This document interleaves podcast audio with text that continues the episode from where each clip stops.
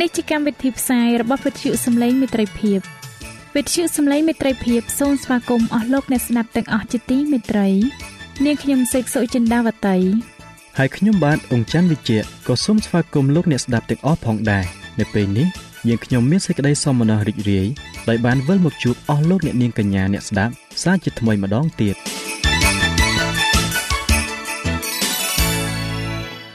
នាងខ្ញុំសេកសុចិន្តាវតី សូមជម្រាបជូនកម្មវិធីផ្សាយ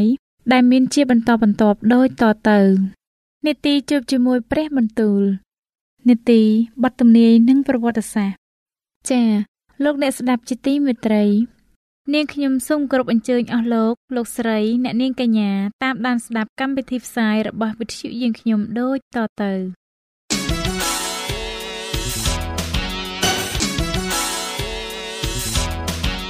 នេតិ ជួបជាមួយព្រះបន្ទូល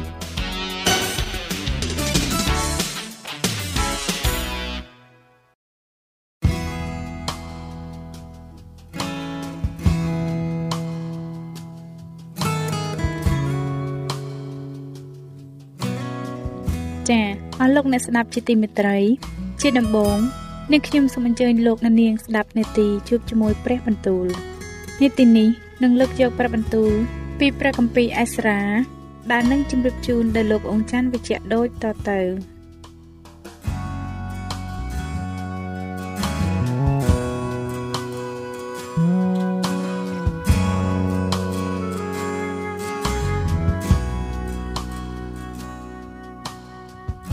ព្រះគម្ពីរអេសារ៉ាចំពុកទី3នោះដល់ខែអាសត់កាលពួកកូនចៅអ៊ីស្រាអែលទាំងប៉ុន្មាន បាននៅក្នុងទីក្រុងរបស់ខ្លួនហើយ នោះពួកបណ្ដាជនក៏មូលគ្នានៅក្រុងយេរូសាឡិមមានចិត្តតែមួយ គ្រានោះយេស៊ូជាកូនយូសាដាហើយពួកសង្ឃជាបងប្អូនលោកនិងសេរូបាបែលជាកូនសាលធៀលហើយបងប្អូនរបស់លោកក៏នាំគ្នាស្អាងអាសនៈនៃព្រះ ជាព្រះនិស្សិតអ៊ីស្រាអែលដើម្បីឲ្យបានថ្វាយដង្វាយដុតតាមដែលបានកត់ទុកក្នុងក្រឹតវិន័យរបស់លោកម៉ូសេជាអ្នកសម្របរបស់ព្រះ គេក៏ដាក់អាសនៈនោះ នៅលើជើងកំណល់ពីព្រោះគេមានសេចក្តីភ័យខ្លាចដល់ពួកអ្នកស្រុកនោះហើយក៏ថ្វាយដង្វាយដុតដល់ព្រះយេហូវ៉ានៅលើអាសនៈនោះគឺដង្វាយដុតថ្វាយទាំងពេលព្រឹកនិងពេលល្ងាចផង គេធ្វើបុណ្យបារម្ភដូចជាបានកត់ទុកហើយក៏ថ្វាយដង្វាយដុតរាល់តែថ្ងៃឲ្យត្រូវចំនួនតាមរបៀបតាមដែលត្រូវការរាល់រាល់ថ្ងៃតពីនោះមកក៏ថ្វាយដង្វាយដុត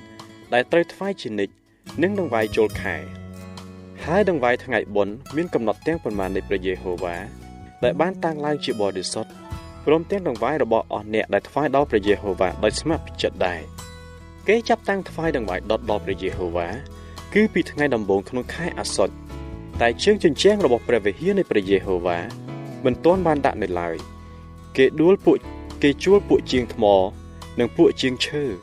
ក៏ឲ្យស្បៀងអាហារនិងគ្រឿងផឹកហើយប្រេងដល់ពួកក្រុងស៊ីដូន និងពួកក្រុងទីរុសឲ្យគេទៅនាំឈើតាត្រៅពីភ្នំលបាណូនមកឯក្រុងយូបេតាមផ្លូវសមុទ្រដូចជាសេរុសជាស្ដេចពឺស៊ីបានប្រោះអនុញ្ញាតឲ្យនៅខែពិសាខក្នុងឆ្នាំទី2តាំងពីគេមកដល់ព្រះវិហារនៃព្រះនៅក្រុងយេរូសាឡឹមនូសេរូបាបែលជាកូនសាលធៀលនិងយេស៊ូជាកូនយូសាដាព្រមទាំងពួកសង្ឃនិងពួកលេវីជាបងប្អូនគេឯទៀតហើយអស់អ្នកដែលបានចេញពីសន្តានជាឆ្លើយ មកដល់ក្រុងយេរូសាឡឹមហើយគេចាប់តាំងធ្វើការឡើងក៏តម្រូវឲ្យពួកលេវីចាប់តាំងពីអាយុ20ឆ្នាំឡើងទៅបានចាត់ចែងការរបស់ព្រះវិហារនៃព្រះយេហូវ៉ានោះយេស៊ូនិងពួកកូនចៅហើយបងប្អូនលោកកាតមៀលនិងកូនចៅលោកដែលជាពួកយូដានិងពួកកូនរបស់ហេណាដាតព្រមទាំងកូនចៅគេនិងពួកលេវីជាបងប្អូនគេផងក៏ប្រឹងប្រែងត្រួតមើលពួកជាងដែលធ្វើការក្នុងព្រះវិហារនៃព្រះកាលពួកជាងកំពុងតែដាក់ជើងជញ្ជាំង របស់ព្រះវិហារនៃព្រះយេហូវ៉ាចោះនោះគេចាត់ពួកសង្ឃឲ្យស្លៀកពាក់ប្រដាប់សង្ឃហើយកាន់ត្រែព្រមទាំងពួកលេវី ជាកូនចៅអេសាបឲ្យកាន់ឈឹងដើម្បីសរសើរដល់ព្រះយេហូវ៉ាតាមរបៀបរបស់ដាវីតជាស្ដេចអ៊ីស្រាអែលគេក៏ច្រៀងឆ្លើយគ្នាដោយពាក្យសរសើរហើយអរព្រះគុណដល់ព្រះយេហូវ៉ាថាទ្រង់ប្រកបដោយករុណាគុណសេចក្តីសប្បុរសនៃទ្រង់នៅអស់កលជានិច្ចដល់ពួកអ៊ីស្រាអែល រួចបណ្ដាជនក៏ស្រែកឡើងជាសម្រេចយ៉ាងខ្លាំងក្នុងការដែលគេសរសើរដល់ព្រះយេហូវ៉ាយ៉ាងនោះដោយព្រោះជើងជញ្ជាំងព្រះវិហារនៃព្រះយេហូវ៉ាបានដាក់ស្រេចហើយតែមានគ្នាច្រើន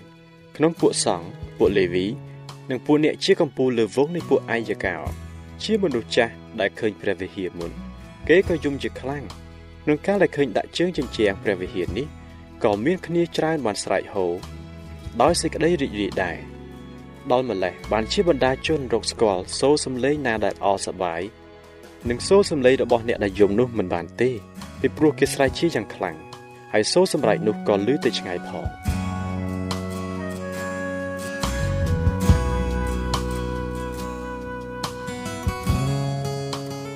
ព្រះគម្ពីរអេសារ៉ាជំពូកទី4រាយពួកខ្មាំងសត្រូវរបស់ពួកយូដានិងបេនយ៉ាមីនការលើថាពួកអ្នកដែលមកពីសន្តានជាឆ្លើយ គេកំពុងតែស្អាងព្រះវិហារថ្វាយព្រះយេហូវ៉ា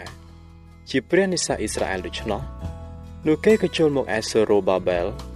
និងពួកអ្នកដែលជាកំពូលលើវងរបស់ពួកអាយកោនិយាយថាសូមឲ្យយើងរកគ្នាស្អាងជាមួយនឹងអ្នករកគ្នាផង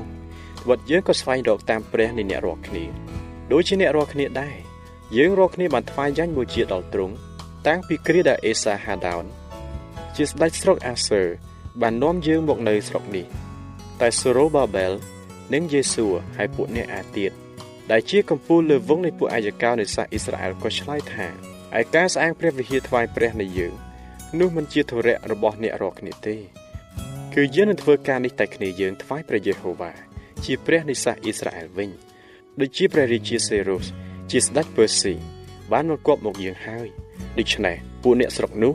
ក៏ខំនាំឲ្យពួកយូដាខ្សោយដៃទៅ ហើយបងអាលបងអាក់គេក្នុងការស្អាងនោះគេជួលពួកអ្នកប្រាជ្ញឲ្យជួយគំនិតដើម្បីនឹងបង្អាក់ការដែលដើមធ្វើនោះនៅអស់រវាងប្រជជនស៊ីរុសជាស្ដេចពើស៊ី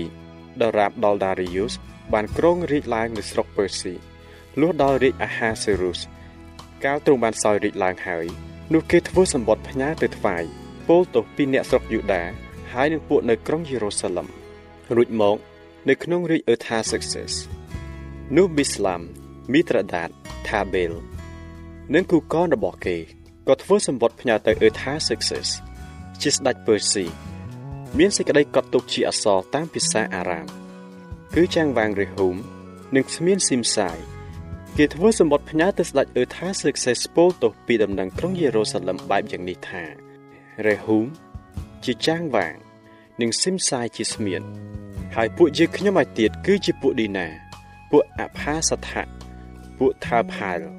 ពួកអាស្ផារ៉ាសពួកអឺកាវេពួកបាប៊ីឡូនពួកស៊ូសានពួកដេហាវេ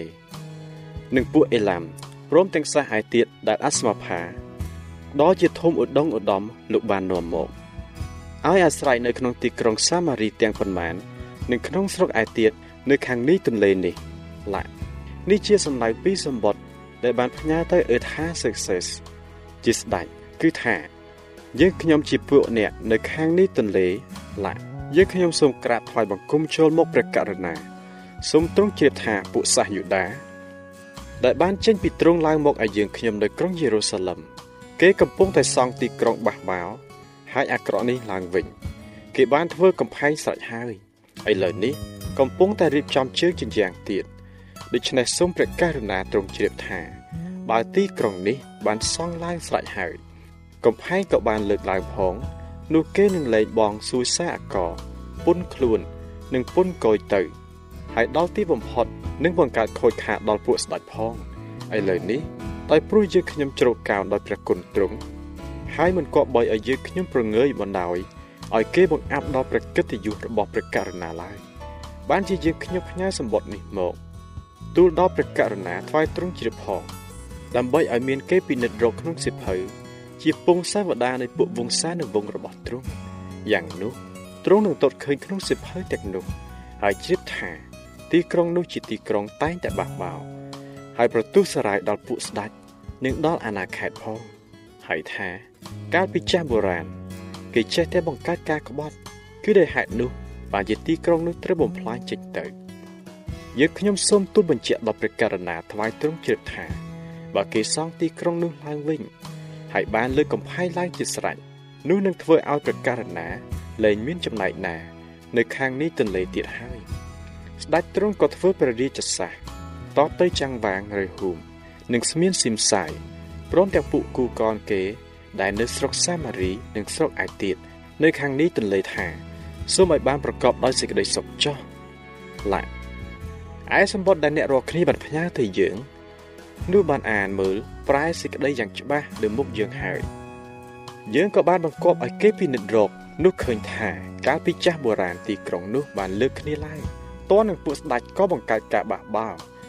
និងការកំបត់មែនហើយមានស្ដេចដែលមានឫទ្ធិយ៉ាងសន្ធឹកបានសោយរីកនៅក្រុងយេរូសាឡឹមហើយបានគ្រប់គ្រងលើអស់ទាំងស្រុកនៅខាងនេះទន្លេ មនុស្សក៏បានបងសួយសាអកពុនខ្លួន និងពុនកយថ្វាយស្ដេចទាំងនោះដែរដូច្នេះ ចូលអ្នករាល់គ្នាចេញបញ្ញត្តិឲ្យមនុស្សទាំងនោះឈប់ការនោះទៅកុំឲ្យគេសង់ទីក្រុងនោះឡើងឡើយដរាបដល់មានមកគប់ចេញពីយើងមកទៀតហើយត្រូវប្រយ័ត្នកុំឲ្យអ្នករាល់គ្នាធ្វេសប្រហែសចំពោះការនោះដែរនឹងឲ្យមានការខូចខាតកើតឡើងដល់ពួកស្ដេចធ្វើអី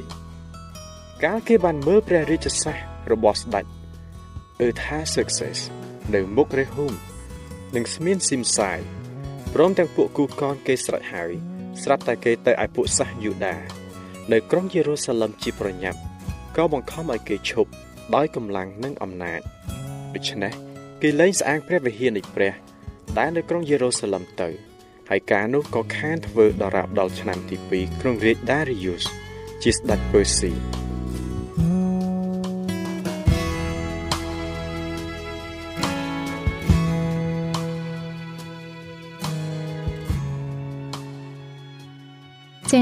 ប្រិយមិត្តអ្នកស្ដាប់ជាទីមេត្រី ដោយពេលវេលាមានកំណត់ យើងខ្ញុំសូមផ្អាកនេតិជប់ជាមួយព្រះបន្ទូលនេះត្រឹមតែប៉ុណ្ណេះសិនចុះដោយសន្យាថានឹងលើកយកនីតិនេះមកជម្រាបជូនជាបន្តទៀតនៅថ្ងៃច័ន្ទសប្តាហ៍ក្រោយ សូមអរគុណ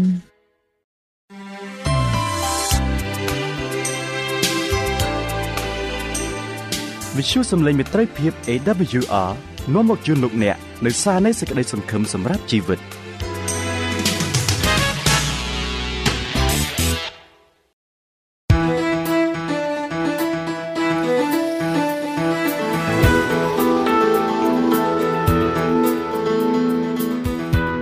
សូមជូននីតិបទទំនាយនិងប្រវត្តិសាស្ត្រ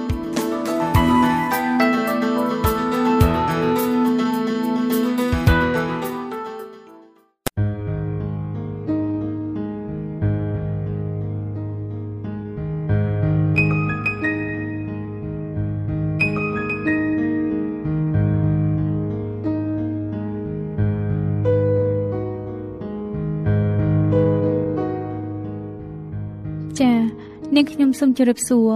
អស់លោកលោកស្រីនិងប្រិយមិត្តអ្នកស្ដាប់វិទ្យុសំឡេងមេត្រីភាពជាទីមេត្រីសូមឲ្យលោកអ្នកបានប្រកបដោយព្រះគុណនៃព្រះអង្គម្ចាស់កាលពីចំពុកទី5មុនលោកអ្នកបានស្ដាប់រួចបង្ហើយពីលោក John Wycliffe ដែលជាអ្នកកាន់ពន្លឺដ៏ស្មោះត្រង់ម្នាក់នៅក្នុងប្រទេសអង់គ្លេសនាសតវត្សទី14ហើយនេតិបទទំនាយនិងប្រវត្តិសាស្ត្រនៅថ្ងៃនេះវិញ យើងខ្ញុំសូមលើកយកជំពូកទី6ដែលនិយាយពីវីរៈបរោះនៃពន្លឺពីរអ្នកទៀតគឺលោក John Haas និងលោក Jerome តែជាដំបូងសូមលោកអ្នកតាមដានស្ដាប់ពីលោក John Haas ជាមុនសិនលោក John Haas ជាក្មេងកំព្រាឪពុកតាំងតែពីតូចដោយឪពុកគាត់បានស្លាប់ចោលទៅ នៅសល់តែម្ដាយលោកកើតនៅឆ្នាំ1369លោកជាមនុស្សសុភាពរៀបសារតាំងតែពីកំណើតមក ម្ដាយរបស់លោក បានតស៊ូរហូតដល់លោករៀនចប់នៅសាកលវិទ្យាល័យនឹងគេ ចា៎ព័ត៌មានបន្ថែមពីលោក John Haas និងពីកិច្ចការតម្រង់សាសនា ប្រឆាំងនឹងវិហារកាតូលិករ៉ូមលោកអនយ៉ារិតនឹងមកជម្រាបជូនលោកអ្នកសូមជម្រាបសួរចា៎សូមជម្រាបសួរបាទសូមឲ្យលោកអ្នកបានប្រកបដោយព្រះពរនៅក្នុងការតាមដានស្ដាប់នៅមេរៀននេះជាមួយនឹងខ្ញុំបាទចាសសូមអរគុណ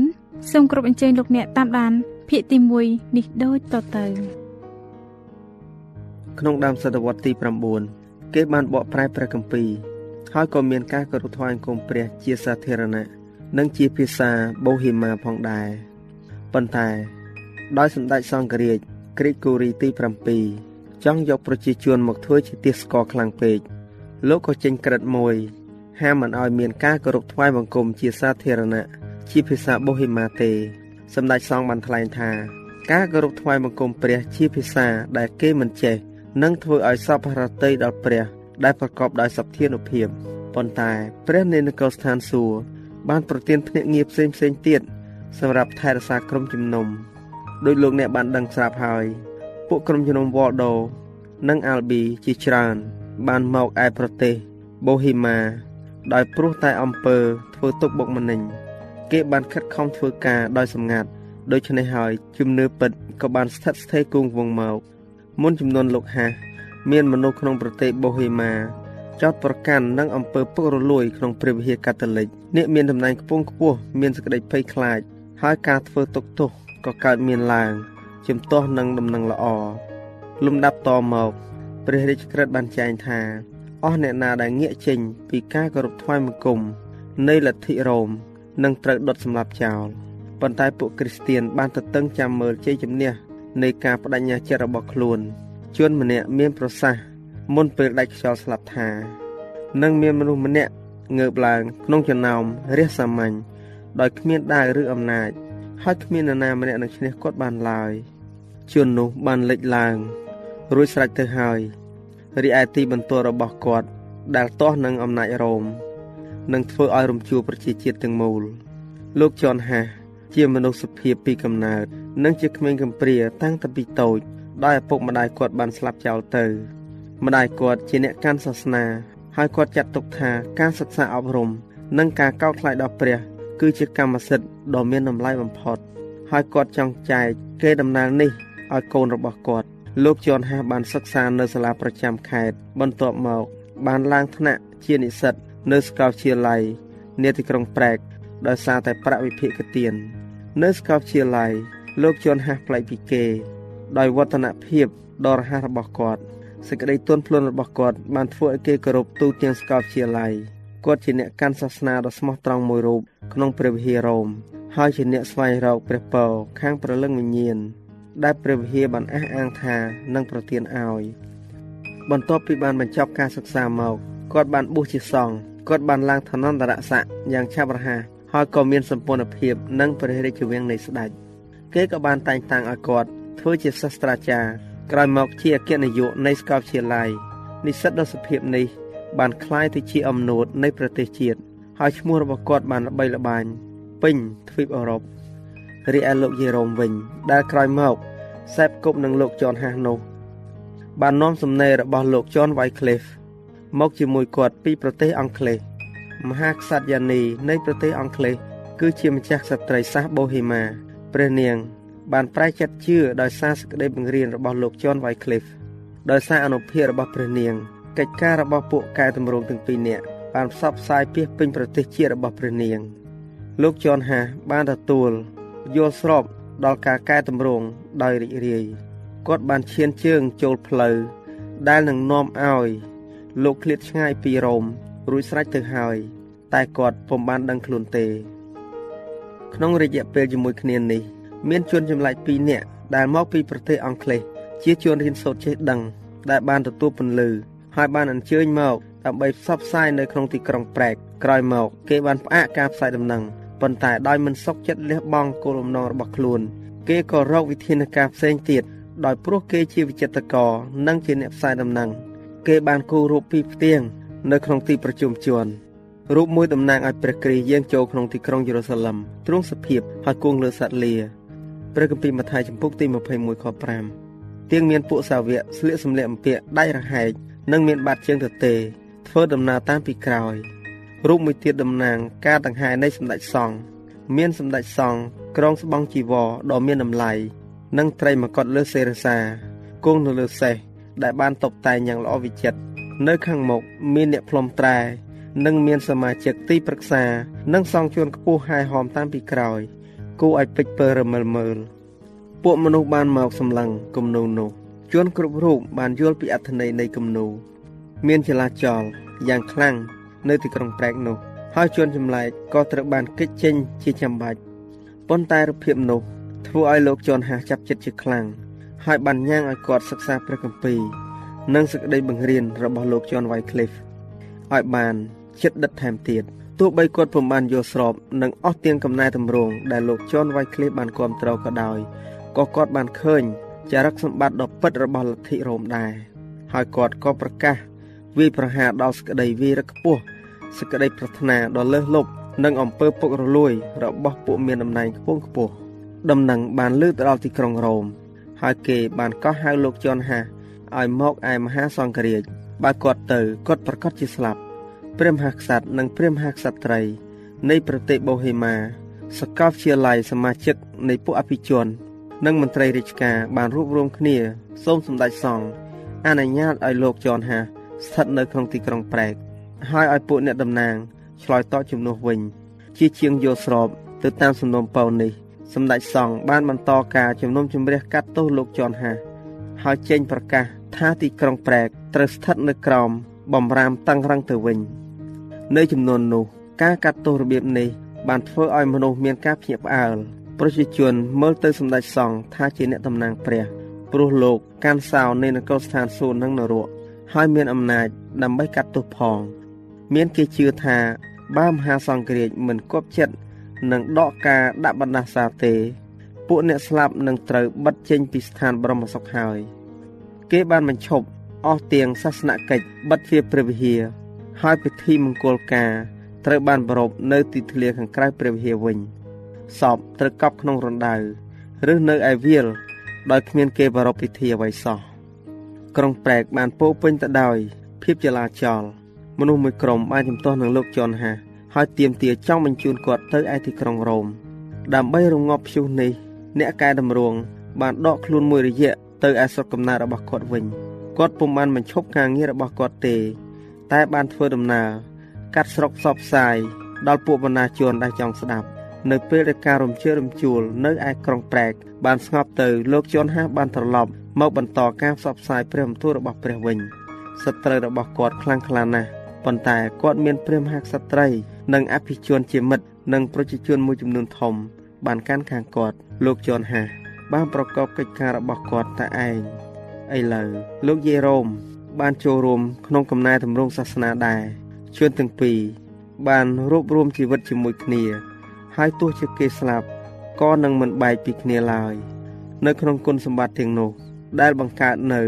ចរិតលក្ខណៈមមមួនពិតប្រកបឃើញថាលោកចនហាគ្រុនបាជាង លោកយេរ៉ូមប្រកបដោយការដាក់ខ្លួនពិតប្រកបនិងតម្លៃរបស់ខ្លួន ហើយគាត់ក៏បន្ទន់ទៅតាមអាវាតរបស់លោកចនហាក្រោមការងាររួមរបស់ពួកគេ កំណែតម្រង់បានរីកចម្រើនយ៉ាងឆាប់រហ័សព្រះអនុញ្ញាតឲ្យពន្លឺចិញ្ចែងចិញ្ចាចបានចាំងជះមកលើគំនិតមហាជន ដែលត្រូវបានជ្រើសរើសទាំងនេះ ដោយបើកសម្ដែងឲ្យគេឃើញកំហុសជាច្រើនរបស់វិហាររ៉ូមប៉ុន្តែ គេពុំបានទទួលអស់ទាំងពន្លឺដែលនឹងត្រូវប្រទានមកឲ្យពិភពលោកនោះទេ ព្រះបាននាំពជារាជរបស់ទ្រង់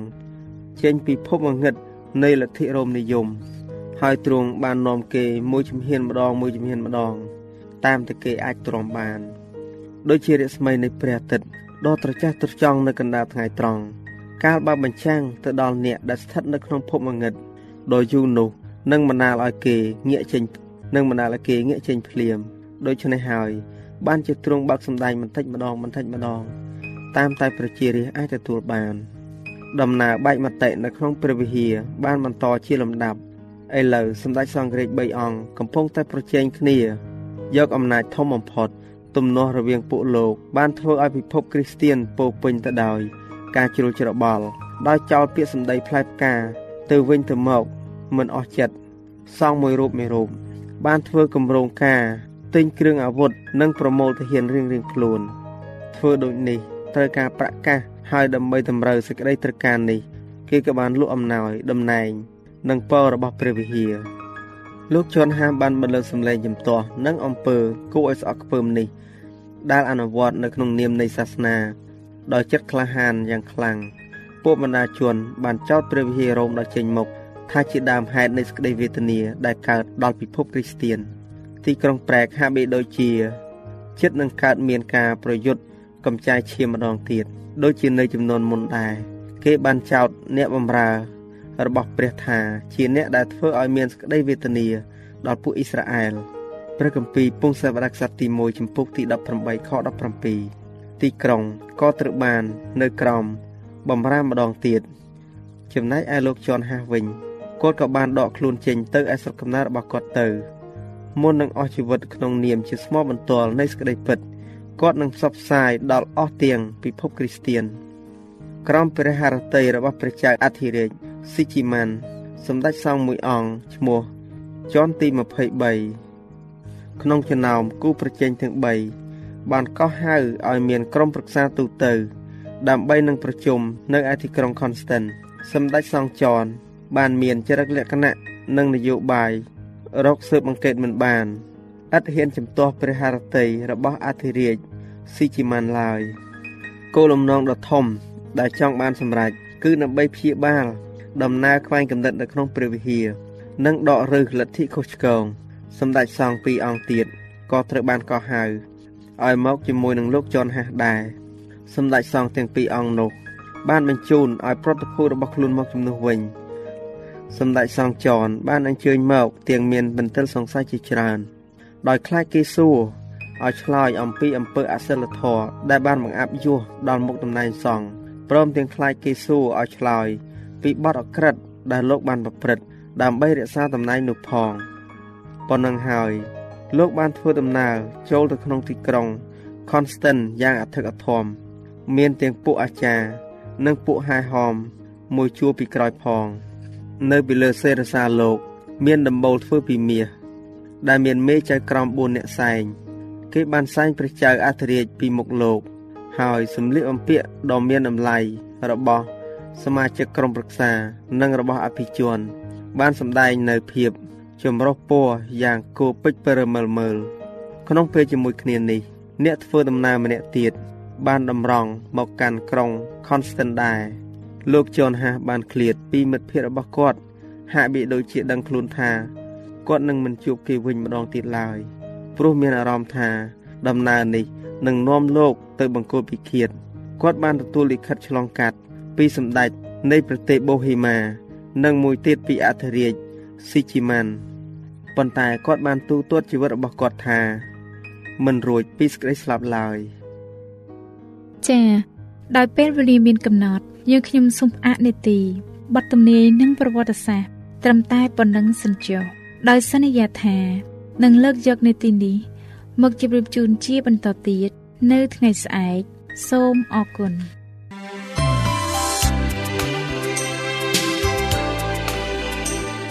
វិទ្យុសំឡេងមេត្រីភាព AWR មានផ្សាយពីរដងក្នុងមួយថ្ងៃ គឺព្រឹកនៅម៉ោង6និងពេលយប់នៅម៉ោង8